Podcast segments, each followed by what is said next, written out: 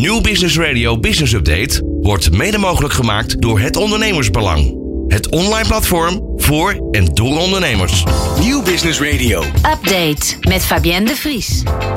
Heel hartelijk welkom bij een nieuwe editie van de Branche Update met Stichting Samenwerken Nederland. Een nieuw programma waarin Samenwerken Nederland verslag doet van de belangrijkste punten die naar voren zijn gekomen tijdens de laatste branchebijeenkomsten van de overheid en de markt. Mijn naam is Fabienne de Vries en naast mij in de studio zijn aanwezig van Stichting Samenwerken Nederland Frank Woreel, spreker over overheid, politiek, ondernemerschap en bureaucratie. En hij gaat al twintig jaar voor een betere samenwerking tussen de overheid en de markt bij de bestrijding van maatschappelijke en economische problemen.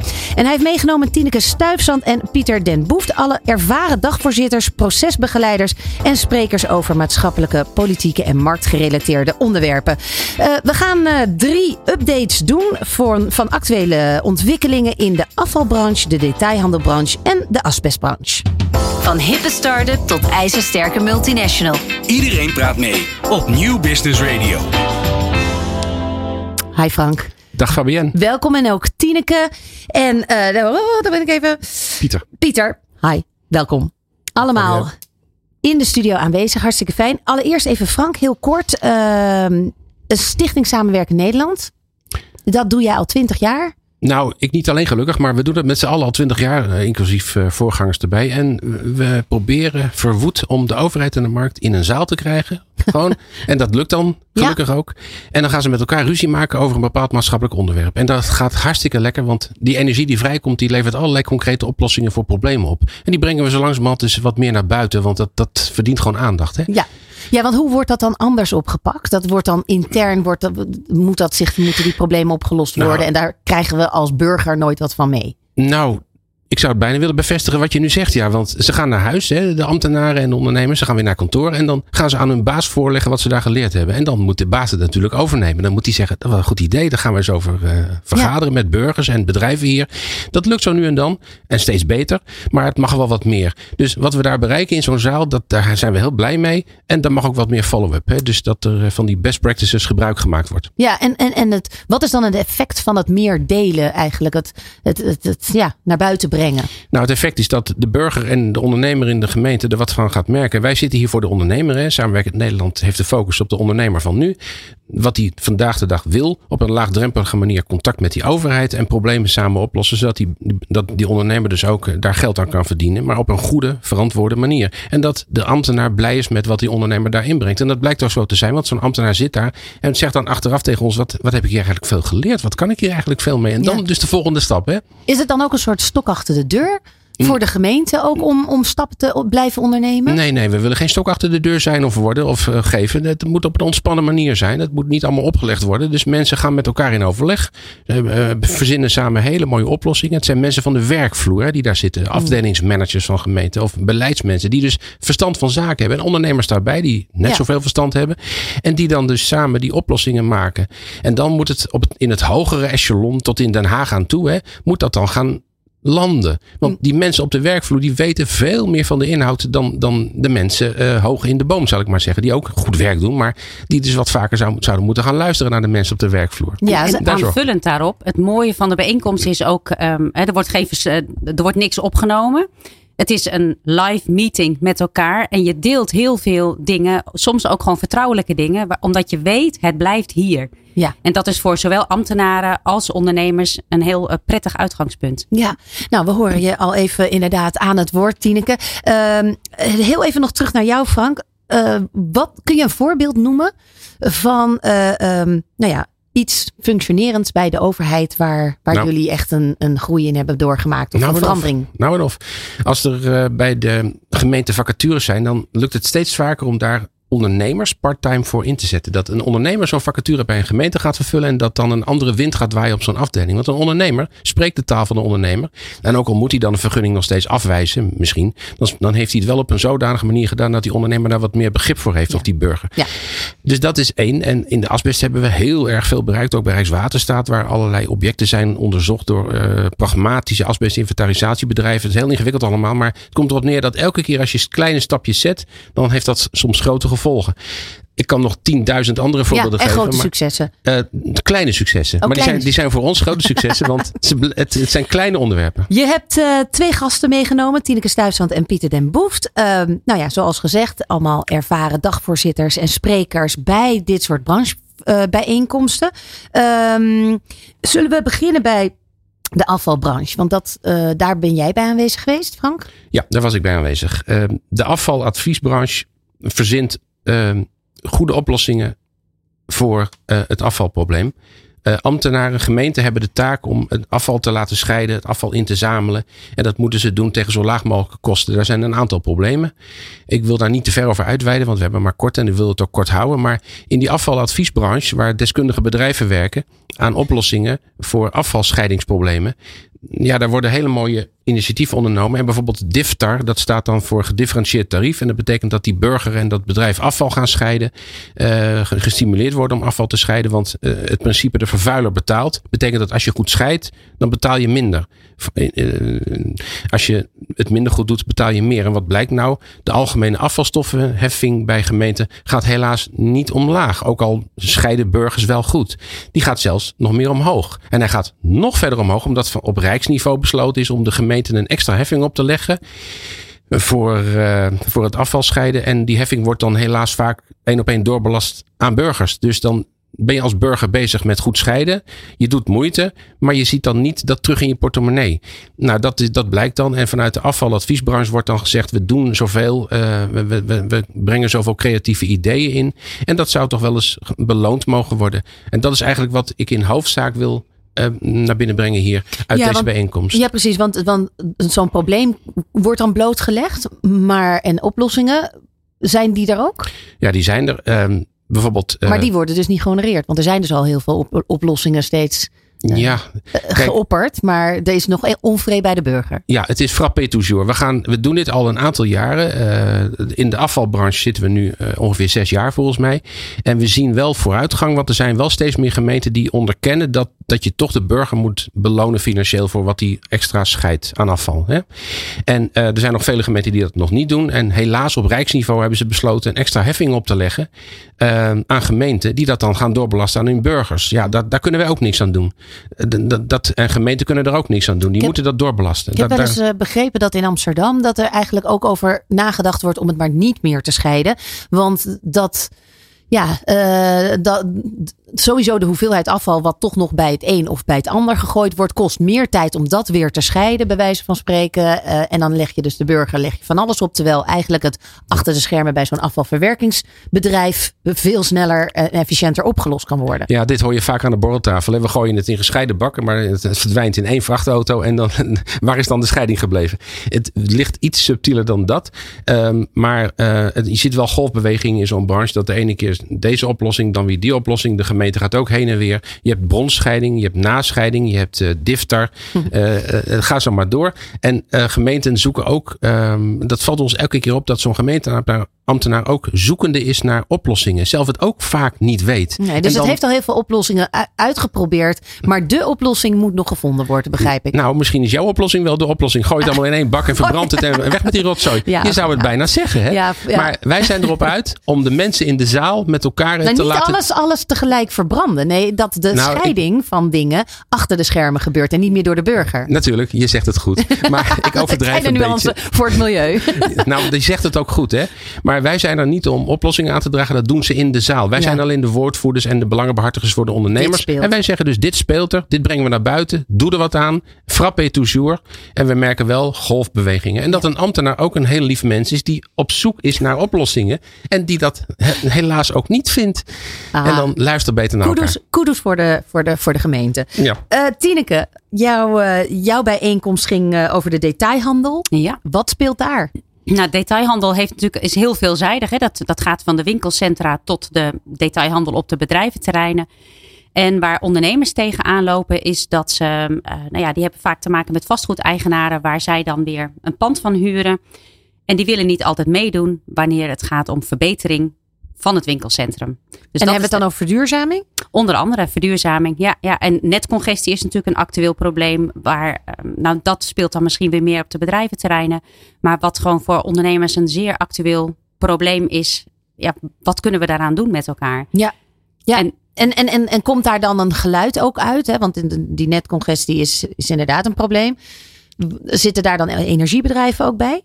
Niet in de bijeenkomst die ik heb gedaan, maar ik kan me voorstellen dat dat wel een eh, interessante partner kan zijn als kennispartner. Ja, dat Ja. je juist ook de oplossing aan tafel hebt. Zeker, ja. ja. Is er, is er licht aan de horizon? Ehm, vanuit de bijeenkomst die ik gedaan heb, ehm, werd het slechts aangestipt. Maar ik vrees wel, of ik vrees, ik vermoed wel dat er over de netcongestie, dat er wel goede stappen gezet worden in den landen. Ja. Maar dat is weer een ander onderwerp. Dat gaat weer meer over bedrijventerreinen, aanpak en eh, noem ja, precies. En jij als, als dagvoorzitter, jij bent dan gespecialiseerd, of nou, je doet van allerlei soorten Mhm. bijeenkomsten. Ja. eh, maar ben jij dan wel een beetje gespecialiseerd in die hele detailhandel? Nee, nee. Niet, niet per se. Nee, nee. Het Want- is, eh, want het is- ik heb een onderwerp en daar verdiep ik mij in. En ja, Ja. dit is een onderwerp wat ook raakt aan, aan ondernemerschap. Ja, ja. eh, want ik kan me voorstellen dat het interessant is om dat te volgen. Om dan bij zo'n volgende bijeenkomst, jongens, wat is er nou van terecht gekomen? Of Absoluut. we kunnen eeuwig alle punten blijven aanstippen. Ja.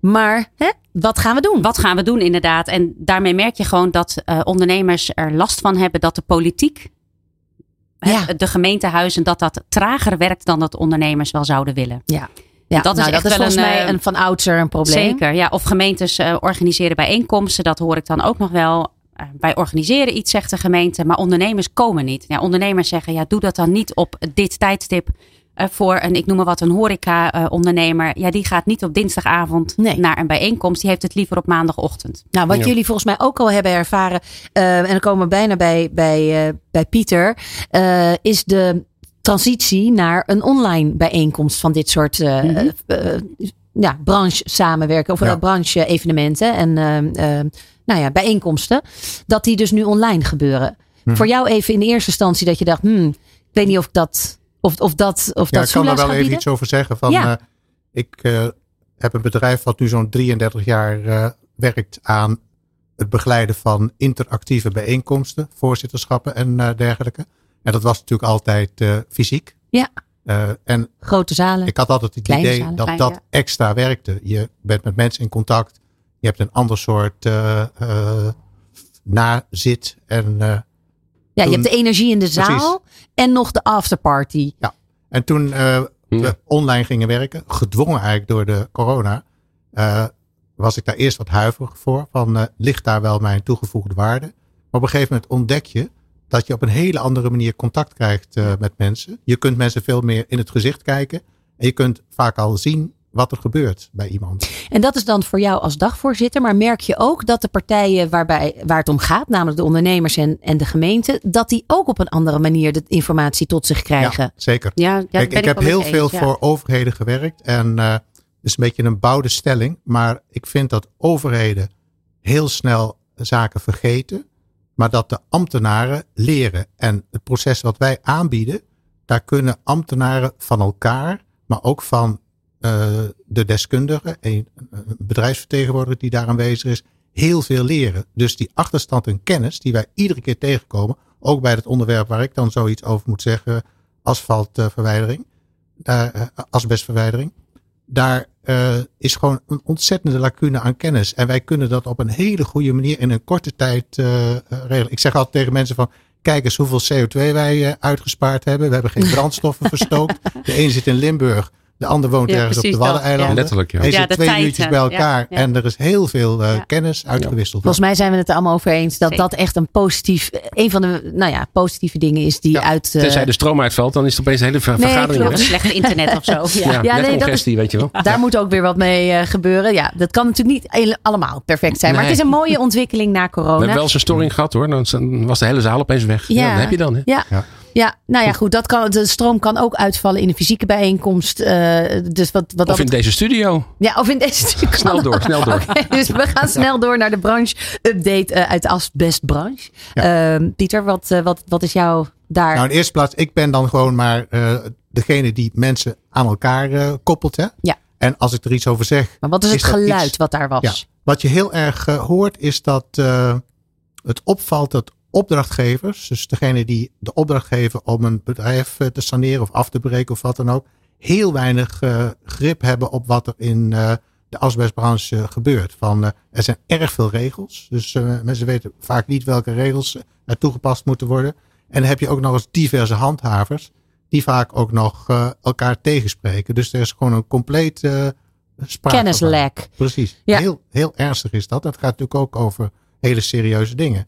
En je ziet dat ook bijvoorbeeld bij woningbouwverenigingen. Want die beheren natuurlijk panden waar asbest in zit. En Vaak hebben ze dan de daken wel verwijderd, hè, want dat is, valt het, uh, het eerste op. Maar er zit ook heel veel verborgen asbest in die panden.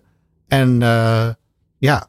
Dan... Zowel voor de burger die zelf gaat, um, gaat verbouwen, als voor de grote wooncorporaties die willen verbouwen, is het dus mm, volgens mij, wat ik hieruit begrijp, taak aan de gemeente en de ondernemers om over de regels te soebatten. Precies. En dan hebben wij onder andere mensen van gemeentes in de zaal. En die zijn dan vaak ook niet op de hoogte van uh, de wetgeving. Exact, omdat het allemaal vrij ingewikkeld en complex is. Dus er zijn, daar zijn heel veel klachten over. Ja. En dan zien zij dus dingen gebeuren die fout gaan. Maar ze kunnen er ook niet uh, op ingrijpen. Het is wel fijn dat als die mensen de zaal uitgaan. Dan zijn ze wel op de hoogte. En dan snappen ze, oh dit zijn de regels. Daar moeten we zijn. Ja. En zo moet het. En dan die mensen in de zaal weten het. De rest van Nederland nog niet. Dus elk jaar hebben we weer winst. Want de mensen die naar huis gaan, die weten hoe het moet. Ja, en, wat ook en ze leren elkaar van, ook inderdaad ja. dingen. Maar even als aanvulling nog. De kennis zit altijd ook voor een heel groot deel al in de zaal. Dat iemand uit, um, die een ervaring heeft ergens over, over wat voor onderwerp dan ook in Limburg. Die kan iemand in Noord-Holland daar weer mee verder helpen. Ja. Dat zeggen, oh, zo hadden wij het nog niet ja, bekeken. Precies, ja. En we hebben daarna ook een mailcontactgroep. Dus er zijn vaak over een bepaald onderwerp meerdere bijeenkomsten. En via die mailcontactgroep kunnen mensen ook vernemen wat er in die andere bijeenkomsten is gebeurd. Ja. En kunnen ze ook met elkaar in gesprek. Een van jullie taken als dagvoorzitters is ook vaak om zo'n uh, bijeenkomst samen te kunnen vatten. Na een bepaald onderdeel van de bijeenkomst, dan wel uh, eind van de, van de show. Hoe zou jij die bijeenkomst waar jij nu het over hebt uh, kunnen samenvatten? Nou, vooral kennislek. Van een gebrek aan adequate kennis en ik zie ook bij overheden heeft dat vaak te maken met het vertrek van mensen uit de organisatie. Er zit iemand die heeft de kennis.